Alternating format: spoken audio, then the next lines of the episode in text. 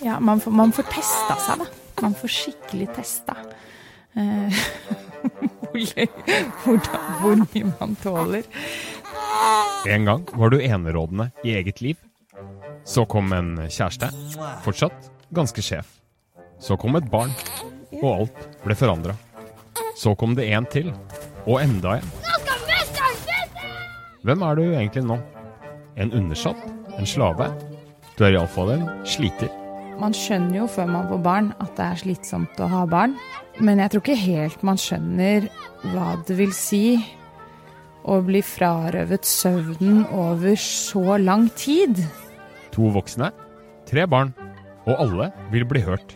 Hvor kompisen min får gå med joggesko på vinteren, hvorfor får ikke jeg? Hvorfor må jeg gå med stillongs? Hvem er egentlig den nye flokkens leder? Det er eh, til tider ekstremsport å ha, ha barn. Så hvordan tar man som forelder egentlig tilbake kontrollen i eget hjem og over eget liv? Vi skal møte trebarnsmor Kristin igjen seinere i episoden.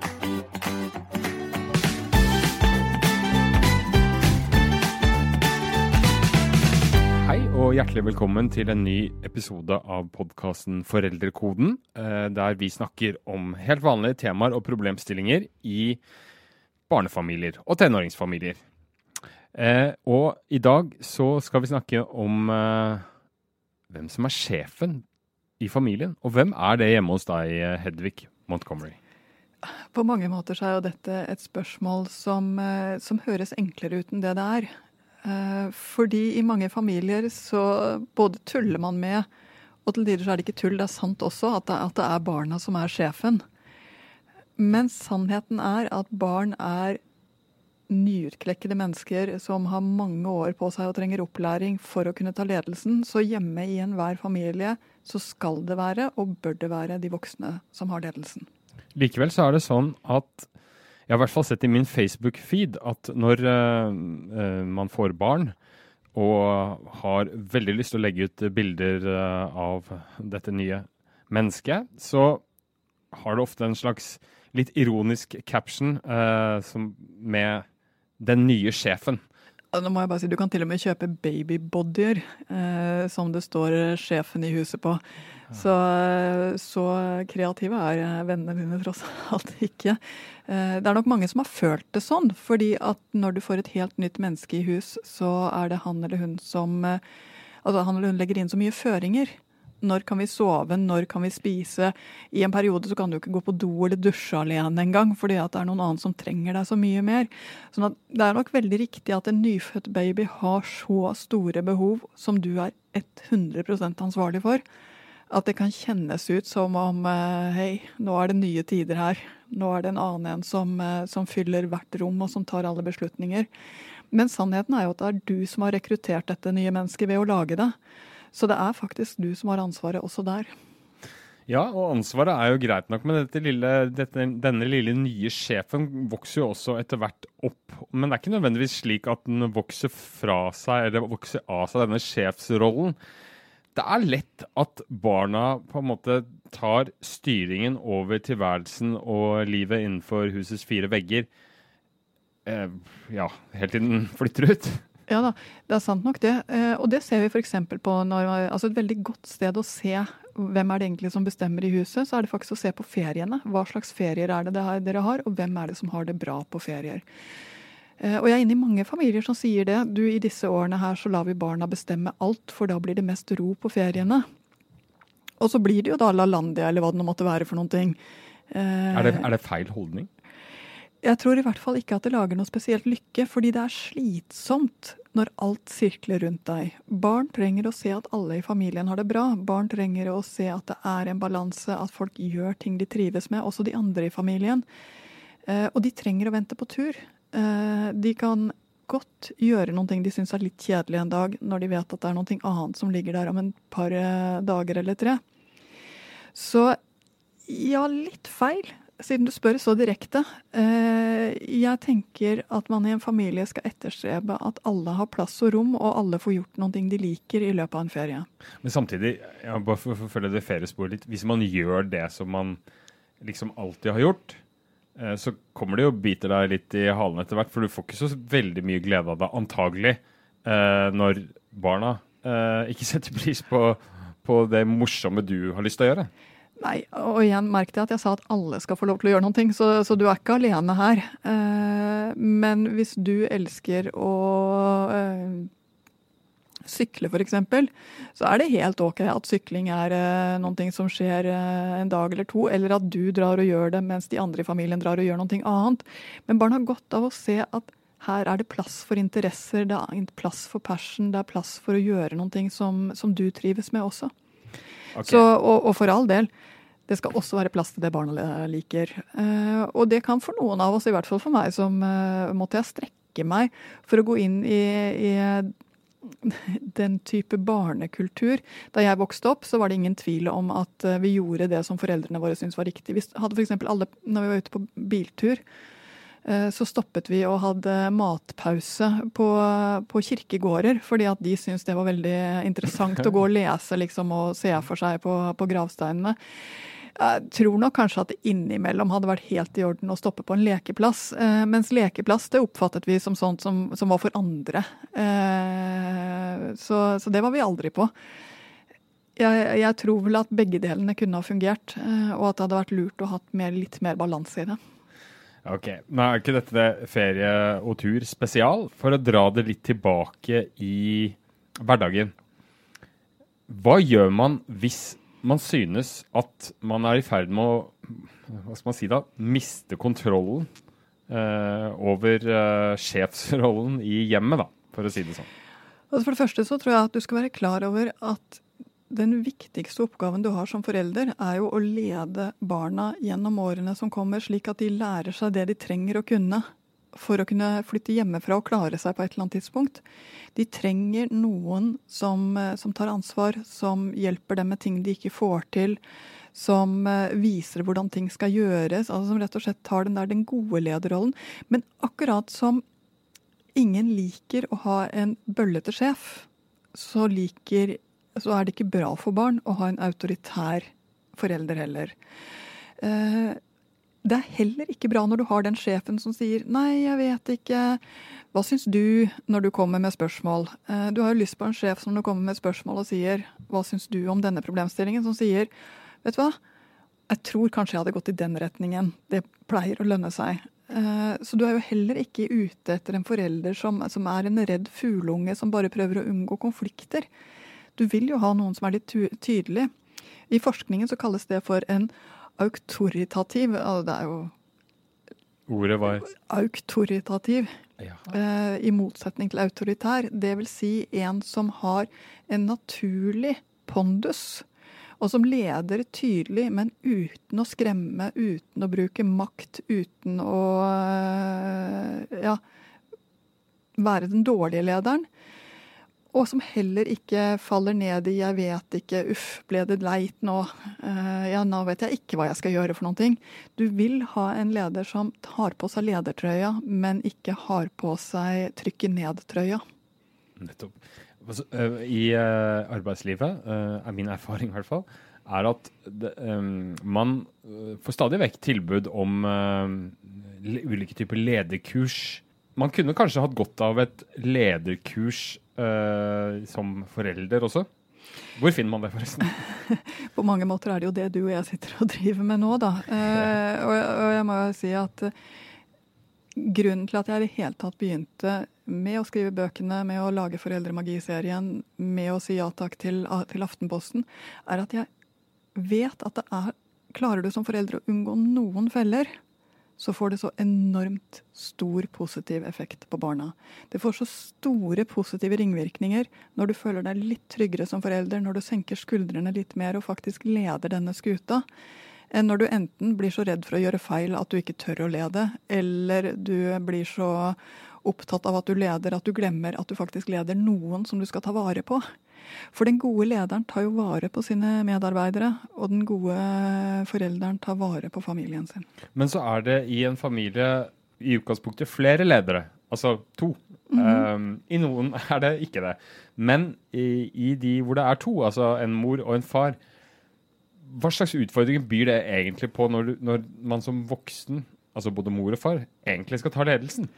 Ja da, jeg tror dette er noe som alle foreldre står i. Og om det er mor, mor og far, far, eller om det er mor, far, spiller egentlig ingen rolle. Delt lederskap er krevende, eh, og det er det mange en organisasjon som har erfart også. Eh, og det tror jeg nok også er en av grunnene til at det blir så tydelig, forskjellene mellom oss som mennesker blir så tydelige når vi får barn sammen. Fordi plutselig så må du vise kortene dine. Hva er verdiene mine? Hva slags middager spiser jeg? Eh, hvordan reagerer jeg når barna forsyner seg for mye? Altså Plutselig så blir ting så tydelige. Og det er også lett å bli kritisk til hverandre. Ja, de fleste kjenner jo eh, blikket fra den andre lederen i forsamlingen ved at man f.eks. har tatt på ett lag for lite med klær, eller kneppa litt feil, kanskje, til og med. Um, så hvordan løser man det? Akkurat som i uh, arbeidslivet, så er faktisk tillit en helt sånn nøkkel nøkkelting når det kommer til eh, å oppdra sammen.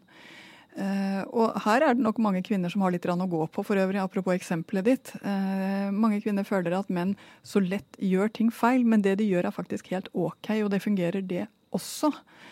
Så som foreldre, for å fungere sammen, tror jeg faktisk du må aktivt tenke hm, sånn kan det også gjøres, eller det kan fungere det også.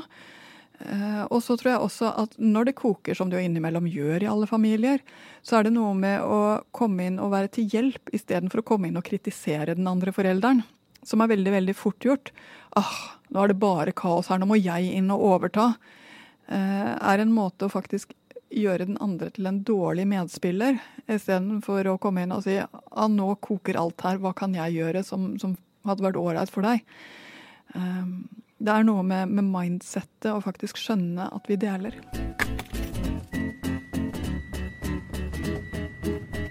Jo flere barn du har, jo mer trening og erfaring får du med dette rare, altoppslukende og helt enormt krevende delte lederskapet. Nå skal du få møte en av disse som i flere år har holdt på med det her. Hun har, som foreldre flest, veksla på å være den suverene sjef og samlebåndsarbeider i Familiefabrikken. Nede på gulvet, på alle fire, skrubbende på størkna prim.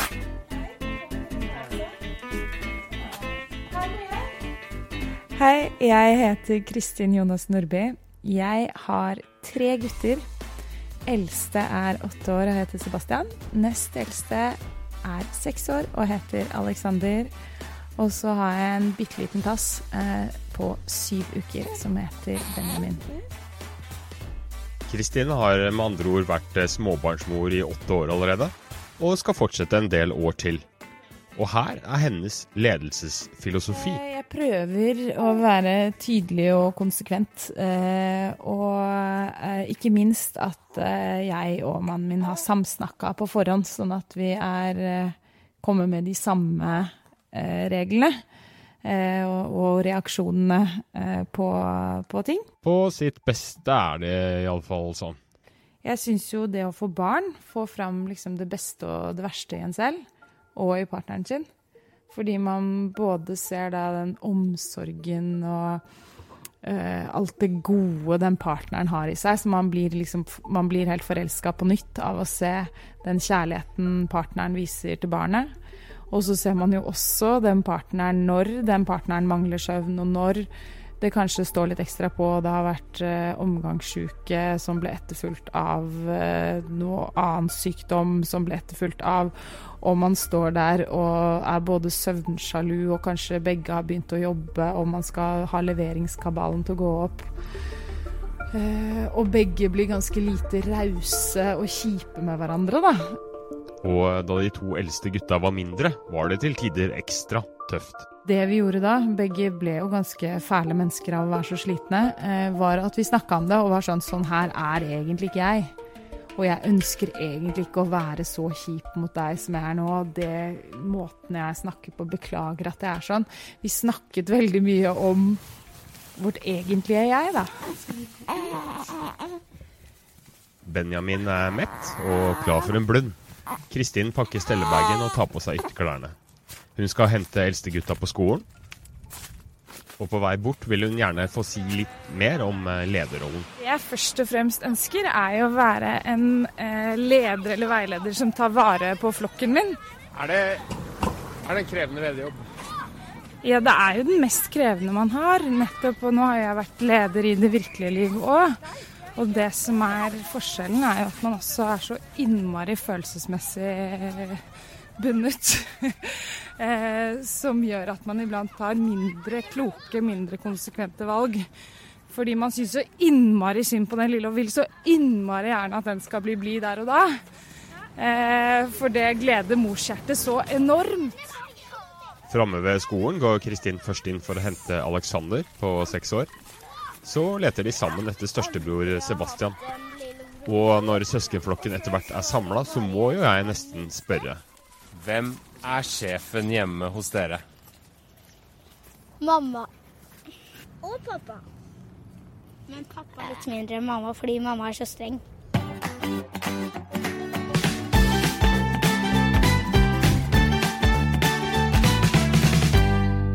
Hvor forvirra blir barn hvis den ene forelderen sier én ting, altså den ene lederen sier én ting, og den andre lederen sier noe annet? Er det greit?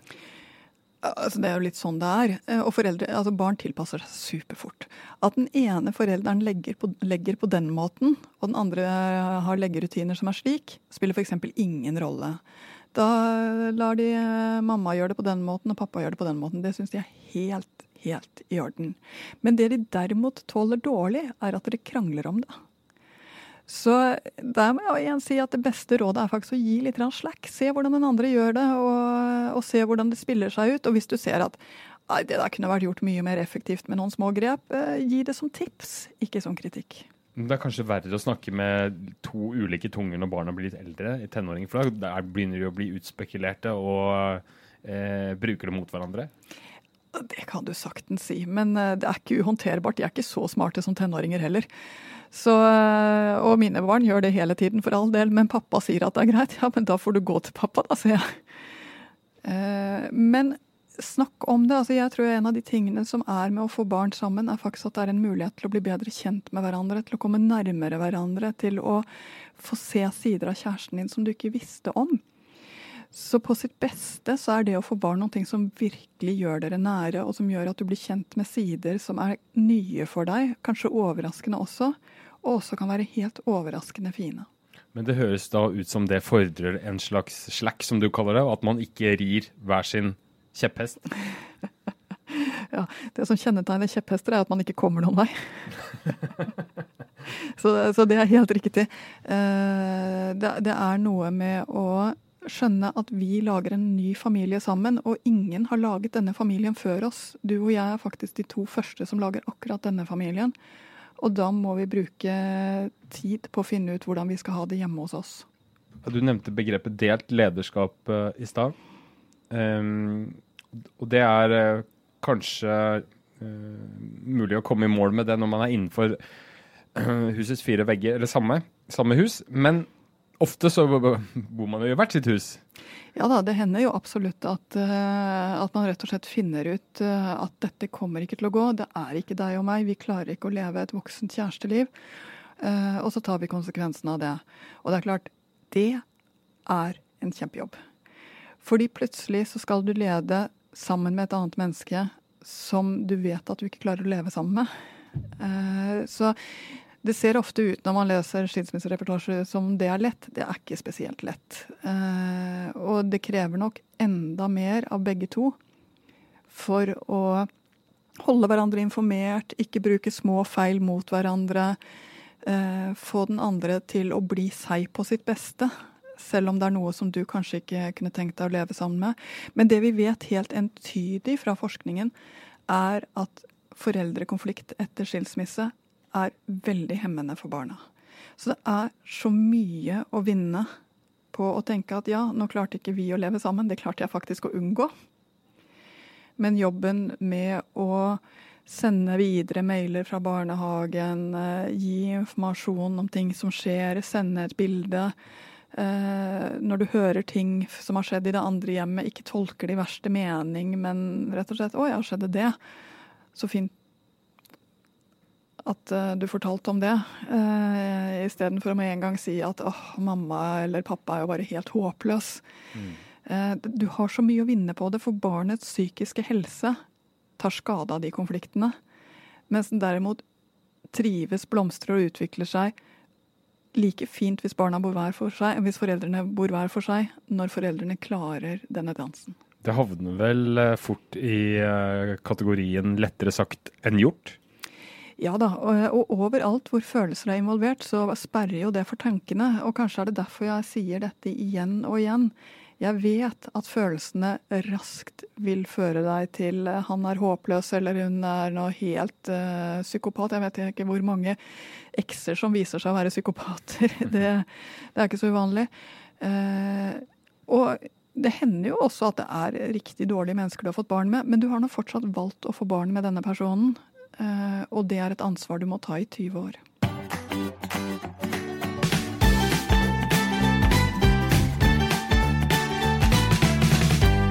Hvis vi nå på tampen skal ta et slags uh, krasjkurs i lederskap i familien og oppsummere det i noen få punkter, hva vil du si er det viktigste å tenke på hvis man vil ha ja, Kall det kontroll da, i egen uh, familie?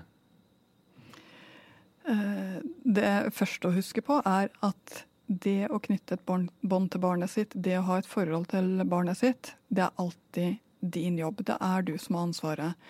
Og selv om du føler at eh, din fireåring, eller for den delen din 14-åring, er utspekulert eh, og tar ledelsen, så er ikke det sant. For både fireåringen og 14-åringen så er du en gigant. Du, de når deg ikke til knes engang. Ikke engang 14-åringen, som kanskje til og med er høyere enn deg, opplever det selv.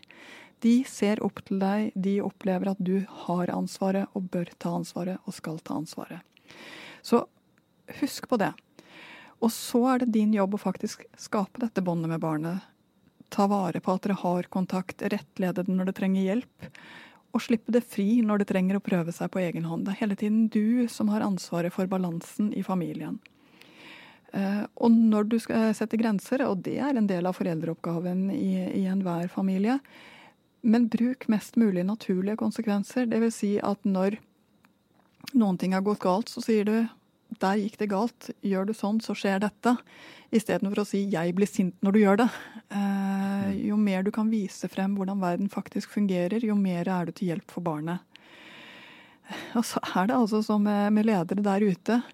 Jobb med dine egne mønstre. Legg merke til hvordan du reagerer. Prøv å, å, å være den forutsigbare lederen som, eh, som veileder og rådgir, og ikke den som skremmer eller gir opp. Mm, og den gode lederen, den eh, hører vel på sine ansatte og flyter med dem. Ja da, og i likhet med at Eller det gjør kanskje ikke. med at alle ledere prøver jo å få sine perfekte ansatte, så vil de fleste ledere oppdage at man får de ansatte man får, og så må man jobbe med dem, ikke mot dem. Det samme gjelder faktisk for ungene. Selv om du har laget dem med en perfekt partner, så er det det barnet som kommer med sin personlighet og sitt temperament, er det dere skal jobbe inn i familien, og det dere skal få til å fungere. Det var vel det vi hadde for i dag. Kom gjerne med tips og innspill på mail til foreldrekoden at aftenposten.no. Så håper vi at du fikk med deg noen råd som er brukbare i hverdagen. Vi høres neste uke. Ha det!